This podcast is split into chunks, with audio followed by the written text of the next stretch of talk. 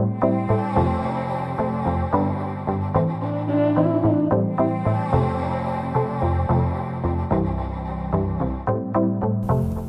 Itnan Talasa Assalamualaikum warahmatullahi wabarakatuh. Apa kabar teman-teman semua? Seperti biasa balik lagi di Podcast Insight bersama saya Host ganteng dan rupawan Sahil Mulahela.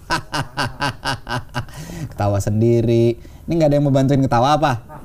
Ah, bahil lo semua lo Nah gitu dong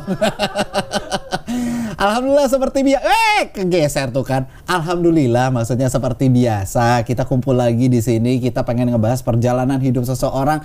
Pengen ngobrolin juga tentang hal-hal yang bisa kita obrolin. Tapi yang jelas apa pun yang terjadi di sini kalau ada perbedaan jangan pernah baper. Buka hati, buka pikiran supaya apa? Ilmu bisa masuk kalau kita membuka hati dan juga buka pikiran. Nah, hari ini kita kedatangan sosok yang udah lama banget ya. Uh, malang melintang, kita sering lihat juga di TV ya. Nah, ini adalah sosok yang jago banget masaknya. Uh, luar biasa. Kita kedatangan Chef Haryo. Assalamualaikum. Waalaikumsalam warahmatullahi wabarakatuh. Ahi. Apa kabar Chef? Alhamdulillah sehat sampai detik ini. Saya masih dikasih kesehatan Allah Subhanahu wa taala Alhamdulillah. rasa syukur yang paling besar. Iya, iya, iya. Paling besar di atas segala-galanya kesehatan. Nikmat terima rezeki itu ya rezeki sehat dikelilingi orang-orang soleh Ha-ha. dan di dikelilingi apa rezeki yang senantiasa halal. Hmm. Tiga itu yang saya Tiga itu ya sumber utama ya Sumber utama. yang harus kita syukurin ya. Nah, chef sekarang sibukannya ini masih masak pastinya. Ya, mulai kemarin masih. Mulai kemarin saya eh, menjadi corporate chef eh, sebuah hotel lokal, sebuah hotel lokal ma- membawahi 50 hotel se-Indonesia. Oh, Oke. Jadi, saya Bentar, Chef. mengapalai- Ini saya arahin dulu biar Iya. yang nonton di rumah lebih jelas lagi. Nah, Iya, ini sekarang suara dia- bagusnya kedengeran nih sekarang nih. Sekarang saya mengapalai tiga- 50 hotel seluruh Indonesia, Oke. mengapalai eksekutif chef. Eksekutif chefnya. Ya, Oke. mengapalainya. Mengapalainya Nah, ya. Untuk memberikan standarisasi tentang makanan yang saya sajikan di hotel tersebut. Oke. Gitu. Dan komitmen saya ah, ketika bergabung di sini saya akan insya Allah menghalalkan dan mensertifikasi halal Majelis Ulama Indonesia kepada restoran di hotel tersebut. Masya Allah, semoga cepat kesampaian ya. Insya Allah. Karena buat kita yang muslim biasanya kan kita kalau makan tuh kalau nggak ada sertifikatnya suka ragu gitu. Yoi kan, ya. bro. Jadi sebenarnya gini, kalau sertifikasi halal di restoran atau di hotel, ini bukan mengontakan sebuah bisnis restoran atau katakan saya kan orang ngejeknya begitu, oh Iya, jadi iya, iya. ontak lo, jadi Iya, iya. kadal gurun lo, jadi apa? Bukan. Konsep halal itu dalam bisnis hotel, restoran dan kafe Hah. itu adalah memberikan rasa aman kepada publik. Betul. Jadi kita memberikan uh, jaminan publik bahwa Hmm. ini loh makanan kita halal, ini loh hotel kita halal, Hmm. sehingga aman untuk keluarga. Iya benar. Jepang itu negara non Muslim, Hah. tapi paling mengakomodir bisnis halal. Bisnis halalnya justru kita kenceng ada ya. Je- uh, di aplikasi Play Store ada Japanese halal keluar tuh hotel, restoran, kafe yang Oke. sudah sertifikasi halal. Iya, iya, Tuh, iya. begitu. Jadi bisnis man. Tapi emang eh, Chef Haryo nih dari kecil udah suka banget masak atau gimana sih kenapa akhirnya memilih untuk menjadi seorang chef? Ya seperti kebanyakan anak-anak ya, anak-anak kecil tuh suka main masak-masakan. Oh iya. Kalau iya, saya itu senang main masak-masakan sama ibu, suka, suka membantu. Saya tuh anak ibu banget kan dulu. Hah. Jadi membantu masak-masakan. Tapi bapak saya nggak senang, bapak saya tuh feodal gitu. Hah. Laki itu harus jadi dokter, Iya, iya, iya. dia harus jadi engineer, harus gitulah gitu. Tapi ternyata bapak saya lebih jago masak. jadi Dia melarang tapi dia lebih jago gitu. ya, Oke. jadi eh, orang tua. Jadi pengalaman kuliner kita itu dibentuk oleh orang tua kita. Ah, Siapa pun, kamu juga begitu. Iya, iya. Makanan terbaik pasti mama. iya. Iya kan? Kalau mamanya ngasihnya fast food, ya makanan terbaik ya fast food Fast gitu. food, heeh. Nah, itulah. Iya iya iya. Jadi akhirnya malah memutuskan untuk menjadi chef itu ya. Termotivasi Iya. awalnya dari situ. Tadinya ya? saya mau ambil ini kuliah film malah.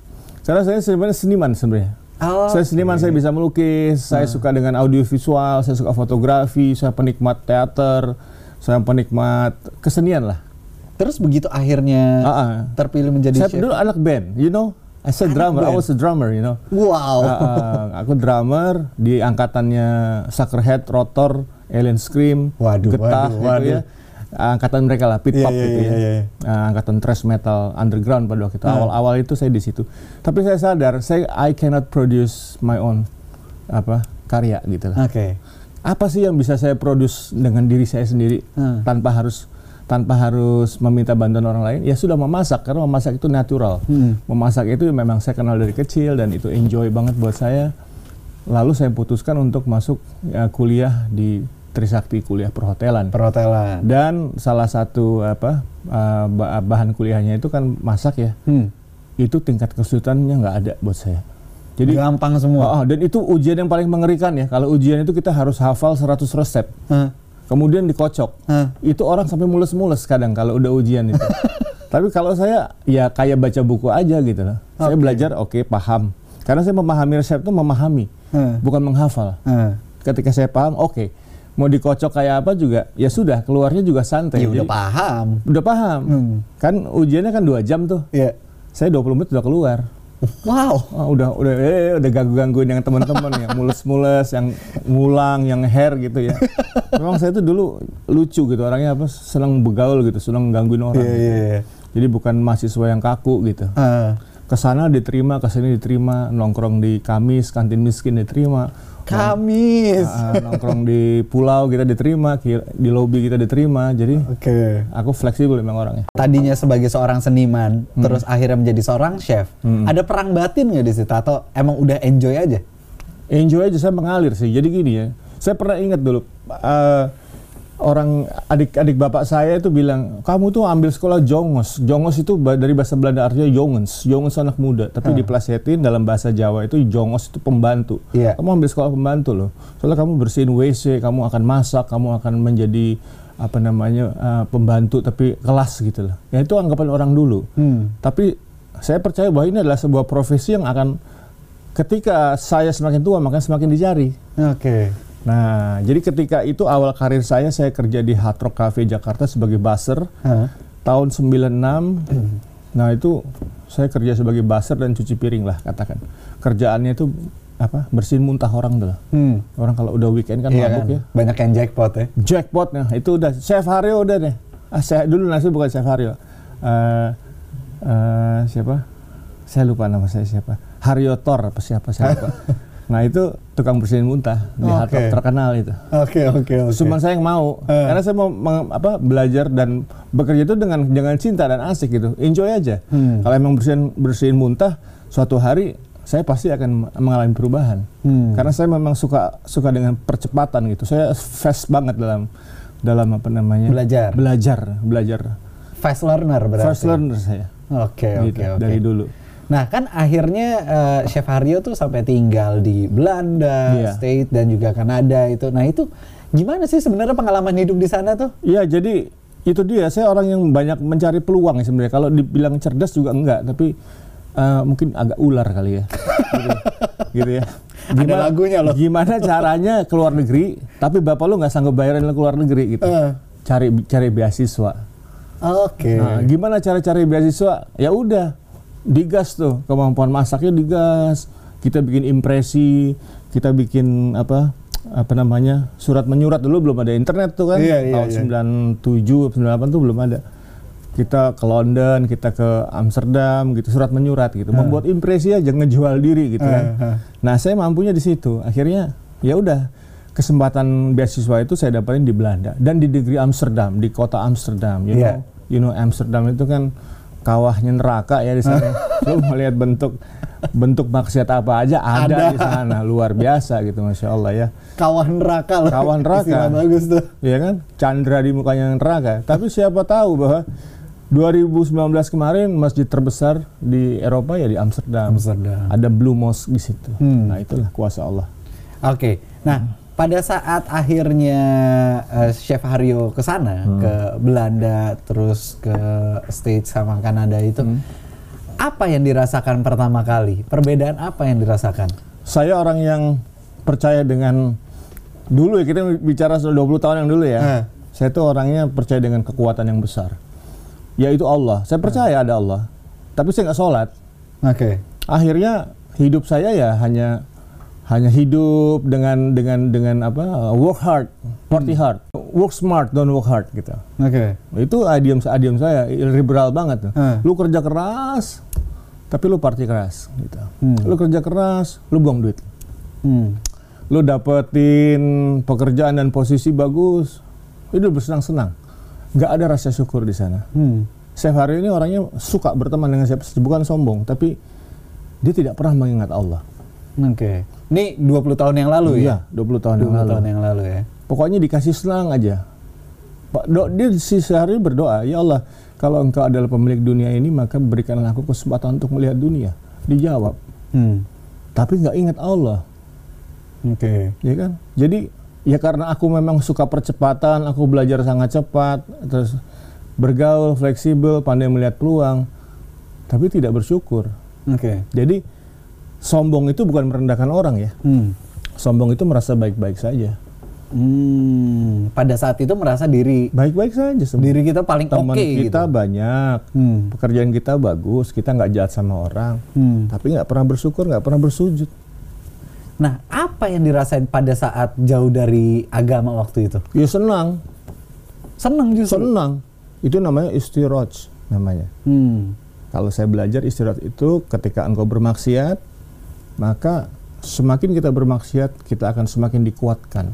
Semakin kita bermaksiat, kita akan dikayakan, kita akan ditinggikan derajatnya, akan di, ditambah kuatkan. Tapi hati-hati, ketika kita sudah sampai di pucuk yang paling tinggi, maka kita dipersiapkan untuk jatuh sesakit-sakitnya. Itu yang namanya istirahat. Jadi Allah itu akan berikan terus, akan akan berikan apa? Difur, difur, fur, fur, fur. Kesenanganmu sampai di mana? Sampai di mana? Bersenang-senanglah. Tapi ingat, kamu adalah seorang muslim. Kamu pernah bersyahadat. Konsekuensi syahadat itu akan diminta cepat atau lambat. Nah, pada saat di sana juga kan berarti mengolah makanan dengan bahan-bahan yang gak halal juga dong. Tentu saja, saya sudah melewati fase itu. Saya pernah menjadi tukang sate, sate babi, saya tusuk. Kemudian pasti adalah icip-icipnya ya, bohong kalau chef itu nggak ngicip ya. Iya. Pergaulan sehari-hari juga kita dari hotel ke hotel, restoran ke restoran itu keluar champagne, keluar homer gitu. Keluar tuh hal biasa sebagai welcome drink ya. Hmm. Dulu bagi saya itu hal yang biasa gitu. Itu bahasa pergaulan karena saya juga bukan orang yang suka mabuk. Tapi akhirnya ya itulah mengerinya kita tinggal di negara non muslim ya Iya. tanpa ilmu agama. Akhirnya kita melihat semua itu sebagai sebuah kebiasaan dan biasa-biasa saja. Sehingga kita menjadi manusia yang liberal, Pada saat itu ya. bersyahadat Islam tapi otaknya liberal. Hmm. Nah, itu banyak sekali. Nah, akhirnya kan sampai waktu itu eh, Chef Haryo kan juga menyandang status sebagai selebriti, gitu Hmm. kan? Itu sepulang saya dari Amerika dari Belanda, Amerika dan Kanada dan saya nyasar di Jak TV ini. Ah. Jak TV ini yang mengangkat saya pertama kali eh, karir saya sebagai chef. Jadi sekarang balik ke kandang dong ya? Balik ke kandang, ini confession ini, confession, berbagi pengalaman. Berbagi ini dia tahu pengalaman. nih dia ini kameramen tahu. Kameramennya dari Tahu dulu ya? banget lah. gitu kan. Eh, bohong kalau kita menjadi terkenal itu tidak ada perasaan sombong. Hmm. Walaupun setitik sombong itu walaupun setitik itu ada, Pasti ada. pasti ada. Dan itu sifat manusia banget. Hmm. Makanya saya mengingatkan buat kawan-kawan yang menjadi terkenal, menjadi public figure gitu, kita harus banyak istighfar, harus Betul. banyak Setuju. istighfar terus masya Allah tabarakallah bahwa semua ini adalah titipan Allah semua ini adalah kita ditu- ditugasi menjadi terkenal untuk menjadi apa memberikan manfaat kepada umat kepada follower kita kepada viewer kita Hmm, hmm, hmm, hmm. jadi ya kalau Haryo dikenal sebagai seorang juru masak ya jadilah juru masak yang bermanfaat memberikan memberikan inspirasi memberikan hal-hal yang baik buat follower saya Hmm. bukan saya mengangkat saya bisa saja nih angkat wine nih Hmm. pairing wine Hmm. Terus yang ngefans sama saya jadi ikut-ikutan mengangkat pairing wine. Berapa dosa di jariah yang harus saya tanggung dari sana? Iya. Ketika saya dikagumi mengangkat wine. Hmm, hmm. Bagaimana ketika dia minum wine, lalas dia menyetir mobil, dia tabrakan, lalu dia mati atau mengajak mati karena menabrak orang. Hmm. Bagaimana ketika saya mengangkat wine kemudian dilihat oleh seorang wanita yang masih muda belum pengalaman melihat dunia, lalu dia mabuk. Setelah dia mabuk dia diperkosa. Hmm. Itu dosa amal jariah saya. Hmm. Saya takut dengan itu. Momentumnya Nah, ketika tadi sempat diceritain juga sama Chef Aryo bahwa pada saat di Amerika, di Kanada, di Amsterdam, itu kan momentum yang jauh dari agama. Iya. Lalu sampai akhirnya tersadar untuk bisa, wah gue ini udah terlalu jauh nih. Iya. Itu apa sih? Ada seonggok daging dalam tubuh kita, apabila ia baik maka seluruh tubuh akan baik. Apabila ia buruk maka seluruh tubuh akan bu- buruk. Itulah hati. Hmm. Ketika hati kita sudah melakukan maksiat, maka ada satu titik hitam di hati kita. Maksiat kedua titik hitam, maksiat ketiga titik hitam. Seterusnya titik hitam tuh sampai menutupi kalbu kita. Iman kita tertutup. Hmm. Tapi Allah Maha Pengasih, Maha Penyayang. Allah masih menyisakan sebuah lubang yang membuat hati saya masih bersinar. Hmm. Di situlah saya merasa saya butuh Allah. Karena hidup ini ketika sudah dipenuhi oleh materi, kita nggak bahagia. Dipenuhi dengan teman-teman, kita nggak happy. Dipuji orang, kita nggak bahagia. Berbuat baik, kita nggak bahagia. Apa yang kurangi Allah? Ya, kegagalan perkawinan itu juga sebuah tamparan besar buat saya. Hmm. Ya itu saya ada ada sinar yang masih masih bersinar di hati saya itu yang menolong saya. Suatu hari saya ingat betul tahun 2015 dalam keadaan eh, galau. Galau itu sebenarnya definisinya gampang. Galau itu kuman, kurang iman, Kurang iman. kurang iman. Jadi galau itu sebenarnya orang kurang iman. Dalam keadaan galau, hujan sendiri, nggak punya duit, miskin, nggak punya rumah, sudah habis semuanya. Saya ke Al Azhar pusat ke apa ke masjid apa Al Azhar. Di Iya. sana saya bertemu dengan Ustadz Suban Bawasir. Saya berkenalan. Saya bikin bikers hijrah di sana, namanya bikers sunnah, kumpulan anak-anak motor yang bertaubat. Lalu mengadakan kajian-kajian salaf ya, kajian-kajian dengan dengan membuat kelompok motor, tapi Iya. tujuannya sebenarnya dakwah gitu, Dakwah. dakwah dan mengkaji gitu. Kita ini nggak boleh urakan lagi, kita harus menjaga sholat lima waktu. Jadi proses hijrah saya tetap tetap asik begitu, tapi ya eh, ya itu tadi saya berlari kepada titik yang benar. In- Alhamdulillah kalau saya berlari kepada titik tongkrongan atau titik yang kesia-siaan drugs misalnya atau kehidupan yang tidak teratur maka hancurlah hidup saya. Berarti momentum hijrahnya itu dilakukan lima tahun yang lalu ya? 2015. 2015 itu udah pulang ke Indonesia lagi. Udah, udah berkarir, sudah punya usaha, sudah punya wah bagus usaha saya bagus. bagus tapi bisnis kan- saya. Tapi hancur semua. Sebagai seorang chef kan pastinya harus ya apalagi di hotel gitu kan. Sekarang aja komitmennya masih pengen menghalalkan. Otomatis berarti masih ada produk-produk yang nggak halal. Nah, kan? itu perjuangan saya. Nah itu gimana tuh sekarang di proses hijrah ini? Iya, jadi gini, pada waktu sebelum hijrah itu karir saya bagus di Hmm. hotel, di luar, saya punya usaha berkali-kali. Tapi ketika naik pasti jatuh. Ketika berhasil pasti turun. Ada apa gitu kan? Hmm. Ya itu tidak bersyukur, tidak pernah sholat, tidak Oke. bersyukur kepada Allah gitu. Hmm. Nggak ngerti sedekah juga gitu kan? Apa itu konsep sedekah? Artinya, ya ketika hijrah itulah saya belajar apa sih hijrah itu. Ternyata hijrah itu konsekuensinya ada dimiskinkan secara ekonomi, bro. Hmm. Itu banyak orang nggak siap. Hmm, hmm, hmm. Saya ngalamin itu rumah saya hilang rumah, hilang motor. Motor saya banyak berganti-ganti ya. Harley Davidson tuh banyak tuh. Hmm. Tapi habis. Kenapa? Ya Allah akan menguji kita gitu ya apa? Seberapa cinta kau pada tauhid gitu ya. Hmm. Aku ambil ya Harley-nya. Hmm. Aku ambil rumahmu, aku ambil anak istrimu. Aku cerai beraikan keluargamu gitu. Karena kesalahan saya juga. Hmm. Ya sudah, aku nggak punya apa-apa. Aku aku ti- hidupnya dari kos ke kos aja gitu kan. Hmm. Kos yang berlumut, yang tiba-tiba pulang atapnya bolong lah. Wah, makan juga di wah di mana-mana deh. Berantakan banget Berantakan lah, lah, waktu itu ya. Ah, ah, banget lah gitu. Iya. ha. Ah, udahlah. Nah terus itu gimana rasanya pada saat Ya rasanya hancur berkeping-keping, tapi ya nangis terus. Nangis terus tiap malam. Karena kan bersujud. banyak banyak orang nih chef yang ketika dia hijrah akhirnya dia ibaratnya dimiskinkan gitu loh. Iya. Dia tuh merasa kayak aduh kok kayak nggak adil gitu dan enggak, enggak. Allah itu maha baik. Allah itu baik. Ia hanya menerima yang baik-baik saja. Dan kita harus berhusnuson sama Allah. Ketika saya dimiskinkan secara ekonomi, Hmm. saya tidak pernah ber berhusnuson, ber, berprasangka buruk kepada Allah karena saya tahu dia sayang kok. Hmm. Karena hati kecil itu masih nyala tuh. Apa yang bikin kuat Chef Haryo untuk bisa terus husnudon sama Allah? Sehat punya badan. Lengkapnya jasad. Karena saya banyak bergaul dengan orang miskin, Hmm. bergaul dengan orang jalanan, bergaul dengan